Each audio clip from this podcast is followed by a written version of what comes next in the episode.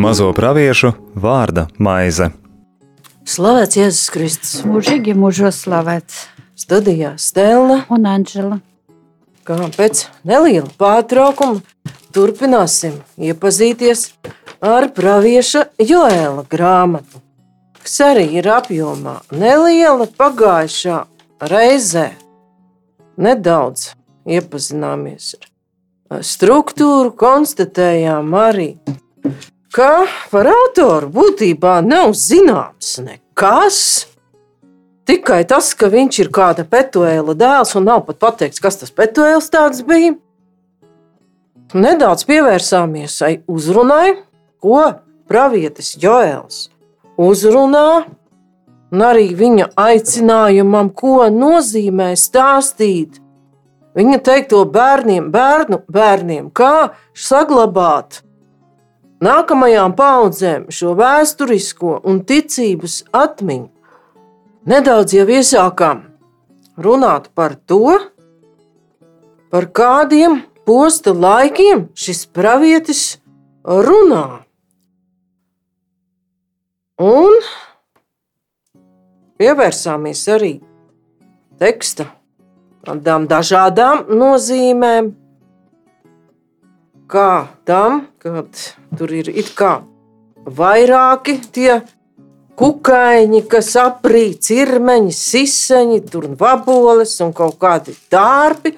Varētu būt tur kaut kas no viena briesmīga kukaiņa dažādām attīstības stadijām, vai arī četri dažādi kaitēkļi. Tāpat mēs runājām arī par vīna dzeršanu, ka šeit ir uzmostīties dzērāji, ka vīns tiek nu, patērēts ļaunprātīgi, varat teikt. Un tad cilvēks zaudē veselo saprātu un nespēja novērtēt situāciju. Bet, kā Anģela pieminēja, ka jaunā darbā mēs vīnu redzam jau citā nozīmē, un ka vīnu arī vecā darbā varam redzēt kā prieka un līgsmības simbolu. Un jaunā darbā jau vīns ir arī piederīgs pie evaharistijas. Tad mēs to apskatījām nedaudz, kaut ko jau izsākām arī par šīm sodībām, ka tās ir gan izceļošanas grāmatā, ko varam saprast arī ar tiem vecājiem, kurus Joēls piemin un tieši uz kuriem runā. Bet šodien jau mēs pievērsīsimies šiem visiem sodību simboliem tuvāk. Ko tad raksta Joēls? Varana un savā daudzumā neaptverama tauta brūk virsū manai zemē. Tai ir zobi kā laus un dzarokļi kā laus mātei. Ir padar, tā ir padarījusi manus vīnu dārzus plikus un kailus un iznīcinājusi manas vīģes kokus, tiem apēsdam lapas un nograuzdam mizu. Liela daļa koku nolūzuši, pārējiem atlikuši tikai to kailī apgraustie zari. Vaidina vaimanākā jaunava, kas tērpusies sēra drānās savu jaunības drauga dēļ. Jo ēdamie un dzeramie upuri tā kunga namā vairs nenotiek, un priesteri tā kunga kalpi sēro. Tad situācija ir ļoti traģiska. Kā var saprast, ka ir runa par sisaņu uzlidojumu. Par tādiem mēs esam runājuši arī iepriekš, un varbūt varam pat atkārtot, kas tad īsti tas ir bijis. Te viņi ir pat nosaukti par tautu, kas nāk kā karaspēks. Bet ir arī šāda parādība, ka liels kukaiņu pulks ir uzlidojis un visu noēdis pa pliku un tīru, izrādās liecinājis arī romiešu vēsturnieks Tacits. Tūkstneša sisenis, kurš ir tas negantākais, nu, tāds dzīvnieks, ukainis, 6 līdz 8 cm garš. Nu, tā tad diezgan glīts apjoms. Un dienā viņš apēd. Nu, cik tā viņš apēd dienā, mēs spētu tā pēst. Nu, ja tev būtu jāpēta tik, cik tu pati sver, es nezinu, kā tas mums beigtos. Bet tas tūkstneša īsenis, katrs no viņiem aprīļ dienā tik, cik pats sver. Un arī 2020. gadā Somālijā bija šādi siseņu uzbrukumi un spēja visu notīrīt pliku. Parasti šie kukaiņi ir tādi vienpatņi un nav bīstami, bet atsevišķos gadījumos, ja viņi savairojas ļoti daudz, tad viņi var apvienoties tādos lielos baros un pat kā paklājs noklāt daudzus kvadrātkilometrus zemes. Tā tad redzam, ka ļoti bīstama ir šī parādība, un kā saprotam no Joēla teiktā, ka ir apēsts viss, ko nu var tāds sisens apēst. Un tieši tās tie augi, tās preces, no kuru varētu no šiem augiem darīt, kas uh, senajiem izrēļiem bija ļoti svarīgas. Vīģes, vīna dārzi, šie koki nolūzuši. Tālāk tas atkārtojas jau desmitā pantā. Drūmas ir nopostītas. Un tā tad nav maizes, nav labības. Tīrumi izskatās nožēlojami. Labība ir pagalām, vīna koki ir galīgi panīkuši, un ar eļļu ir gaužām bēdīgi. Tā tad arī olīvu koki, acīm redzot, pamatīgi cieš šādā izseņu uzlidojumā. Nelaimīgi ir zemkopji arī vīna dārznieki. Viņi vaid un sūdzas skaļā balsī par zaudētiem kviešiem un miežiem, jo tīrumos nekāda raža nav sagaidāma. Vīna koks ir nokaltis, vīģes koks neglābjami novīdis, tāpat arī granātābels, palmas un ābels, visi koki laukā nokaltuši. Viss prieks cilvēku bērniem ir zudis. Jo kas tad notiek, ja tā visa nav? Pirmkārt jau iestājas bats, Nav vīna vairs ne ēdienam, ne arī priekam. Nav maizes, ne ikdienišķai pārtikai, nu kur nu vēl svētku galdam. Nav arī šīs eļļas, ko lietot pārtikā, vai arī ko lietot tempļa liturģijā. Un kad šī visa nav, devītais pants jau paskaidro, kas vēl ir noticis jo ēdamie un dzeramie upuri tā kunga namā vairs nenotiek, un priesteri tā kunga kalpi sēro. Arī mēs varētu lasīt no Jeremija grāmatas 14. nodaļas Jūda sēro. Vārti izkaltuši melnē uz zemes, un Jeruzalemē paceļās klaigas. Tās divstilcīgie sūta kalpus, tie iet pa akām, Tie ūdeni neatrod, tie atgriežas tukšiem traukiem, apkaunoti un apsmieti, tie apklāj sev galvas. Sajukums pa visu zemi, jo zemē nav lietus, zemnieki apkaunoti, apklāj sev galvas. Pat briežumāte uz lauka dzemdē un pamet, jo zāles nav.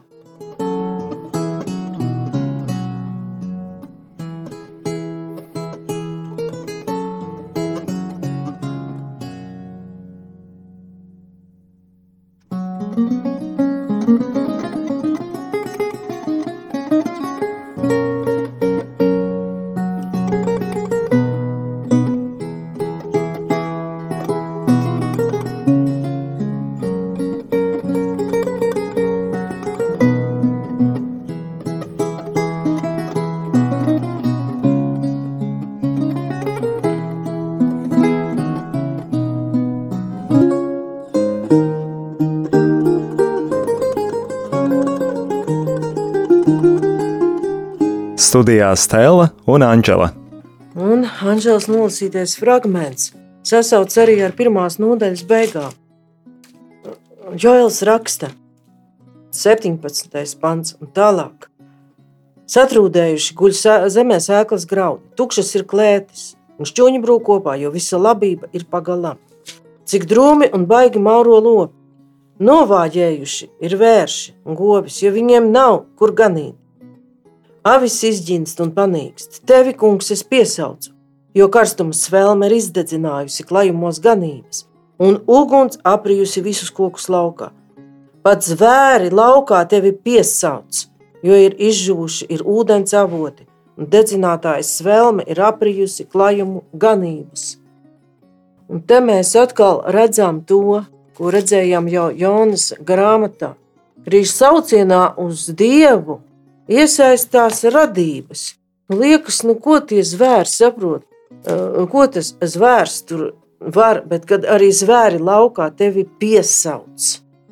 Un atcerēsimies arī, ko apustulis Pāvils raksta, kad no mūsu uh, iedzimtā grēka sekām cieš visa radība. Tā tad arī cieš tas pats briedis, tas pats tā pati govs vai cits kāds dzīvnieks, tā pati avs laukā, jo viņi visi kopā ar mums gaida šo atjaunošanos, šo jauno zemi un debesi, kur vienmēr visa būs pa pilnam. Tālāk mēs varētu lasīt jau aicinājumu uz grēku nožēlu un lūgšanu. 13. pants Joela grāmata. Joz, jozieties un apraudiet priesteri, vaimanājiet, kas kalpojat altārī. Ejiet, nākšņojiet maisos, mana dieva kalpi, jo jūsu dieva namam no atņemta labības dāvana un le, lejamais upuri, upuris. Un arī uh, mēs varam atcerēties, kā mēs uh, lasījām Jonas grāmatā, trešajā nodaļā Kad Nīneves ķēniņam pienāca vēsts, tas cēlās no troņa, novilka savu tērpu, ietērpās maisā, apsēdās pelnos un lika, lai Nīnivē sludina. Tāda ir ķēniņa un viņa vareno griba, lai ne cilvēks, ne lops, ne vērsis, ne aus, ne, neko nebauda, lai ne ganās, ne dzer ūdeni, lai steidzas ar maisu gan cilvēks, gan lops un gauži sauc uz Dievu. Ik viens, lai atstājās no saviem ļaunajiem darbiem un vārmācības, ko tas paradis darīt. Paldies!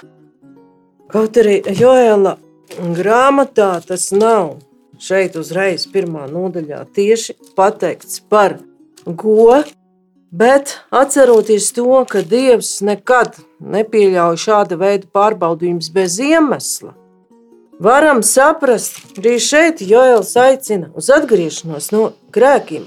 Izsludiniet grēku nožēlas dienu.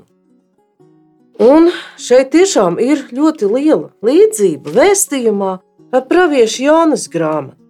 Nu, tur ķēniņš reaģē, kā mēs atceramies, pat nezinām kā viņš to ir uzzinājis, un varējām secināt, ka acīm redzot, bija viņam arī godprātīgi padotie, kas viņam pavēstīja par Jonas, Jonas aicinājumu.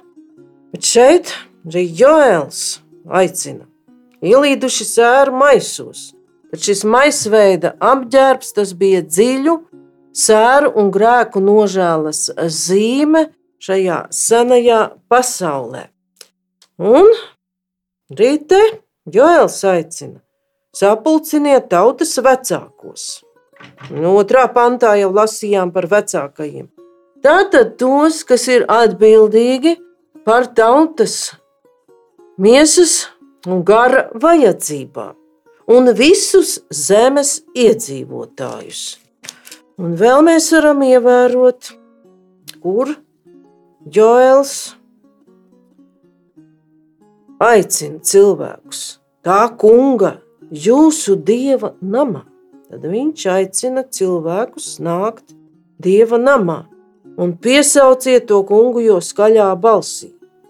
Ak, vai cik drausmīga diena jau tuva ir pati tā kunga diena, kā visu sagandētāju ar dieva nolemtiem varas darbiem, tā nāk paša visu varanās sūta.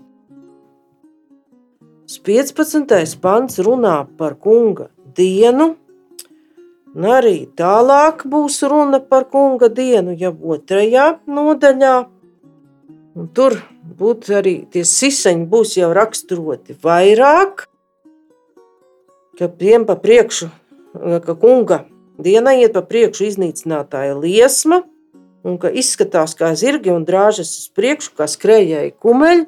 Un tā priekš parastiem tādiem dzīvnieciņiem, 6-8 cm gariem, it kā dīvains tas raksturojums. Nu, uguni mēs vēl jau te redzējām. Uguns aprijusi visus koku laukos. Tātad varētu būt, ka ir tāds liels sausums, ka ir šie ugunsgrēki par kādiem mēs lasījām jau arī iepriekšējos gados plašsaziņas līdzekļos. Ka tur Krievijā ir meža ugunsgrēki, kad pat Grieķijā ir lieli meža ugunsgrēki, Austrālijā, vēl daudzās citās valstīs. Viss izdeg un paliek kails. Visu šo briesmīgo lietu raksturojums sasaucas ar dažiem apakalipses tēliem, un ļauj saprast šo siseņu vēl kādu nozīmi, kas te jau nedaudz ir skarta. Vārana un savā daudzumā neaptverama tauta brūk virsū manai zemē.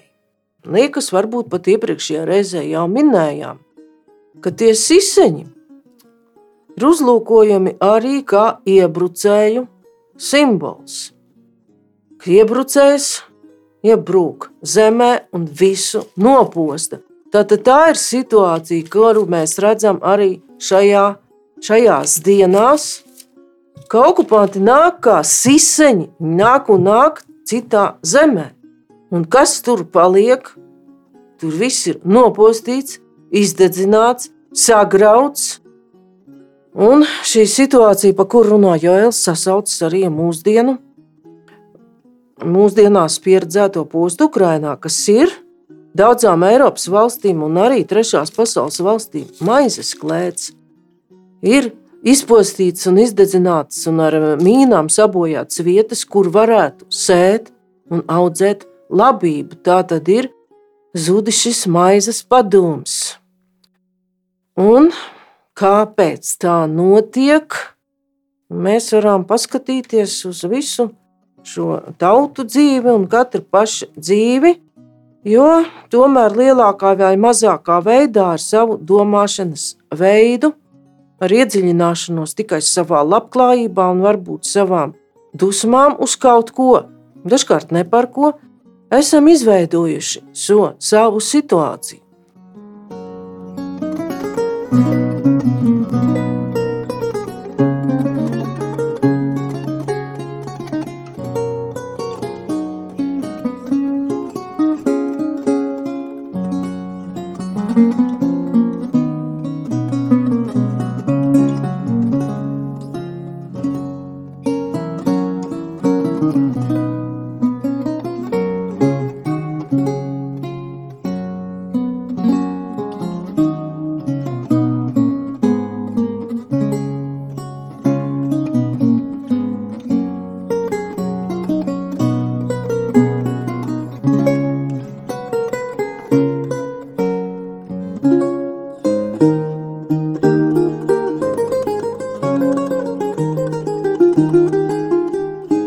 Studijā Stela un Anģela. Es arī gribēju izlasīt par tiem sisiņiem no atklāsmes grāmatas, ja, no 9. nodaļas. Sisiņi pēc izskata bija līdzīgi zirgiem, kas sagatavoti karam, un uz galvām tiem bija itin kā vainagi no zelta, un to seja bija kā cilvēka seja. Viņu mati bija kā sieviešu mati, un viņu zobi kā lauvām, un viņu bruņas kā dzelzs bruņas, un viņu spārnu radītas troksnis, radītais troksnis bija kā daudzu kaujas ratu dārdoņa, zirgiem traucoties uz cīņu. Astes tiem bija kā skorpioniem un arī dzeloņi, un viņu astēs bija spēks nodarīt cilvēkiem ļaunumu piecus mēnešus. Paldies! Un tur dažkārt ir tādi nu, protestanti eksaģēti. Domā, kas ir tie pieci mēneši, un meklē tur konkrētus gadus un skaitļus, un nereti tajās lietās kārtīgi sapinas. Bet ko mēs varam no tā secināt? Ka Dievs ir šīs invāzijas laiku ierobežojis. Noteikts laiks, Pieci mēneši, tas pat pusgads nav. Pieci mēneši. Un šeit ļoti svarīgi bija izlasīt, es neizlasīju. Ja? 11. pantā par viņu valda ķēniņš, bezdibiņa eņģelis. Ebrejiski viņa vārds ir Abadons, grieķiski Apolions, Apolions postītājs. Es varu teikt, ka tas ir ar šiem dažādajiem vārdiem, nu, kas ir pieminēts ļaunais gars, sātans, ka uz noteiktu ierobežotu laiku viņš var komandēt šo iebrukumu, ka viņš par to ir nu, tā, dieva nospraustajās robežās atbildīgs. Un tas raksturojums, kāds tur tiem siseņiem ir, ļoti daudz Bībeles pētnieku asociē to ar partiešu jātnieku. Jau partas ķēniņa valsts antīkajā pasaulē bija vienīgie, kas sekmīgi karoja ar Romas leģioniem. Varēja viņiem, tā vienkārši izsakoties, sadot pa ausi. Tātad to, to mēs varam šo siseņu saprast arī. Iebrucēja karaspēku un tā ieročus jebkurā laikmatā.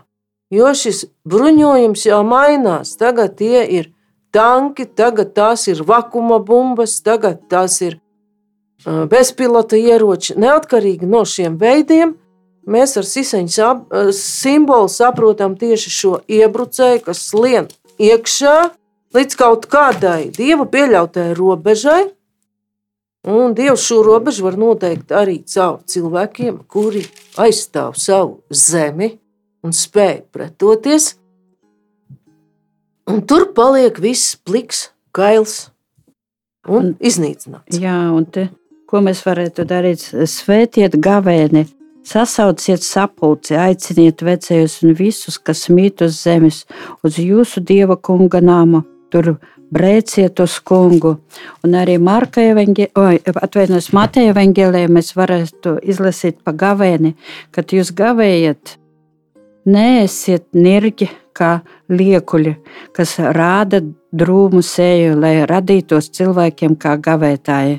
Patie, patiesi es jums saku, tie savu algu jau saņēmuši, bet kad tu gavē, svaidi savu galvu ar eļļu un mazgā savu seju, ka tu nerādies kā gavētais cilvēkiem, bet savam tēvam apslēptībā, un tavs tēvs, kas redz apslēptībā, tevi atalgos. Paldies! Tas ir, var teikt, kā gavēt. Šis gavēnis, kā sauciens uz Dievu, vecajā derībā mēs redzam to visai daudzas reizes.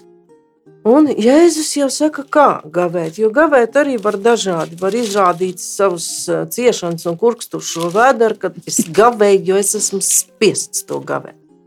Zināmā mērā tāds iebrucēju gājums arī velk līdz trūkumu un vēl paskatoties caur apakalipses prizmu, šis siseņu apraksts izraisa vēl kādas domas, kurām mēs nevaram paiet garām, jo nu, šī situācija vairāk vai mazāk draud arī mums. Kaut gan mums šai ziņā vēl ir labi, un mēs varam slavēt Dievu, ka mūsu debesis ir tīras un veikalā ēdiens ir pat, ja viņš kļūst dārgāks un siltums, viss nepieciešamais. Pateicība Dievam mums ir. Atkal ļoti skaidri šī situācija parāda, kas ir tie apakalipses jātnieki. Ka ir veltīgi mēģināt tā noteikt, kura jātnieka laikā mēs dzīvojam. Šādos krīžu un pārmaiņas laikos viņi pa pasauli sīro visi četri.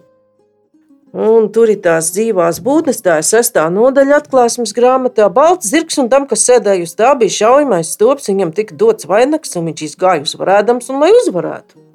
Un tas ir iekarotājs. Viņš iziet, lai uzvarētu.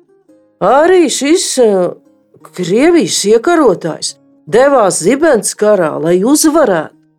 Nesanāca viņam. Kad Viņš atdarīja otro zīmogu. Es dzirdēju, dzīvo būtnes nāca. Izgāja cits zirgs uguns sārts, un tam, kas sēdēja zirgā, tika dots atņemt zemē mieru, lai cilvēki nokautu citu citu. Pēc tam viņam tika dots liels zobens. Šai uzvarēšanas tieksmei nāk līdz šis zobens, karš. Zobens simbolizē visus iespējamos ieročus. No kaujas vāls līdz atombumbai. Trešo zīmogu. Es dzirdēju, trešo dzīvo būtni sakām, nāc. Es redzēju, un raugi melns zirgs. Un tam, kas sēdēja zirgā, bija svari rokā. Es dzirdēju, balsi četro dzīvu būtņu vidū sakām, mērs kviešu par denāriju, un trīs mēri miežu par denāriju. Eļļu un vīnu tu nesamaitā. Mūsdienu valodā sakot, kas tad tas ir? Inflācija un dārdzība. Kas arī tagad pasaules valstis sāk ietekmēt citas ļoti spēcīgi citas mazāk. Un kas seko karam, un arī tam, ka cilvēki vairs nespēja nopirkt pārtiku, pelēks zirgs, un tam, kas sēdēja zirgā, bija vārds nāve, tam sekoja elle, un tika dota vara pār ceturto tiesu zemes nokaut ar zobenu, ar badu, ar nāvi un zemes zware.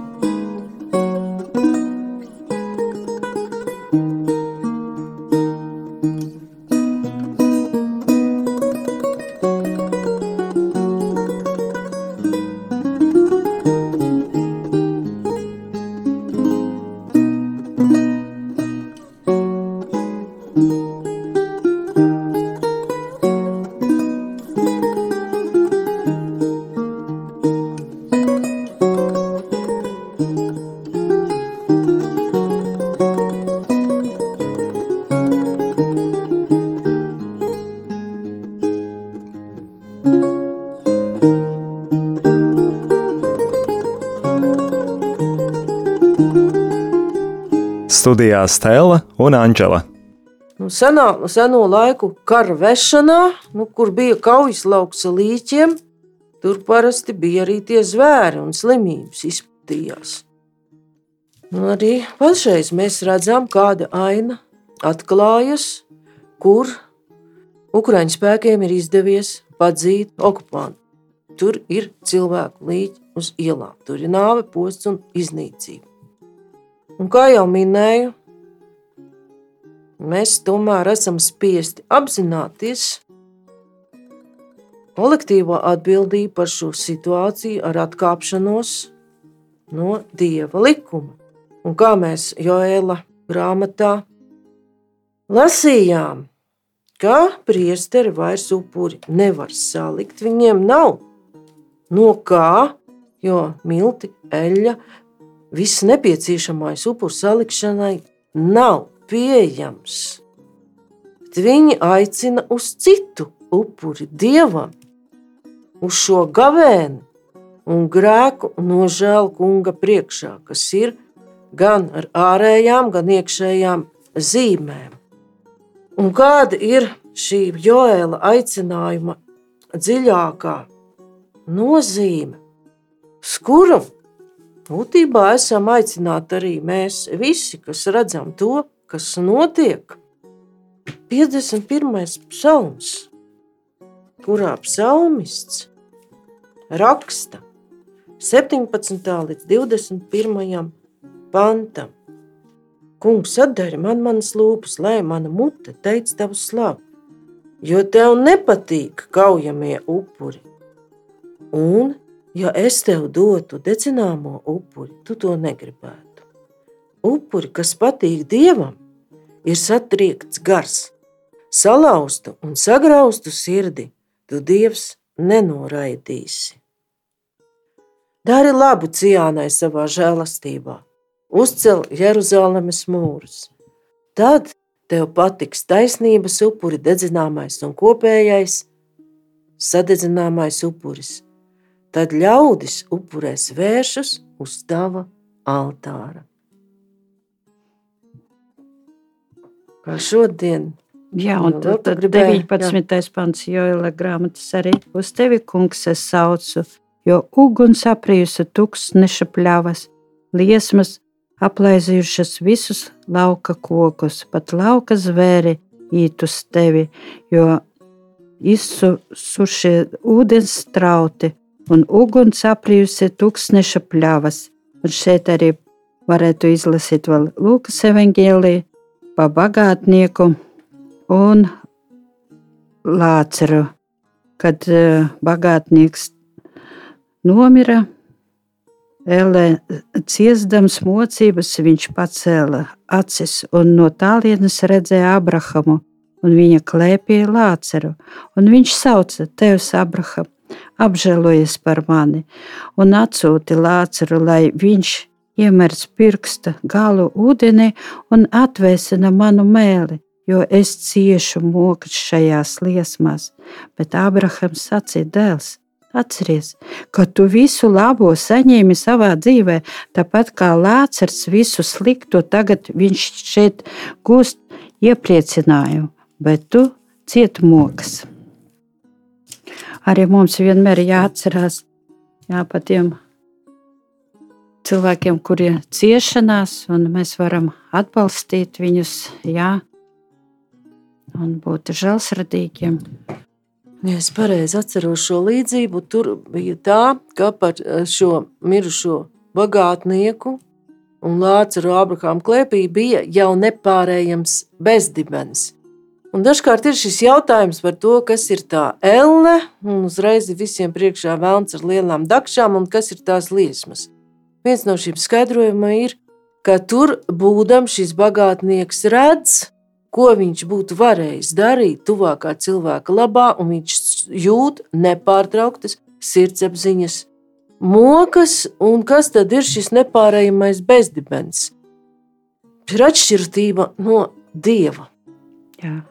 Un ļoti neparasti ir tas, ka tādu veselas stāvokli, atšķirība no dieva, ir pazinuši, zinājuši cilvēki. Tātad Dievs kādā veidā viņiem to bija atklājis jau pat ļoti senās civilizācijās, pat senās Eģiptes civilizācijās, un ka tas ir briesmīgākais, kas varētu notikt, cilvēka atšķirība no Dieva.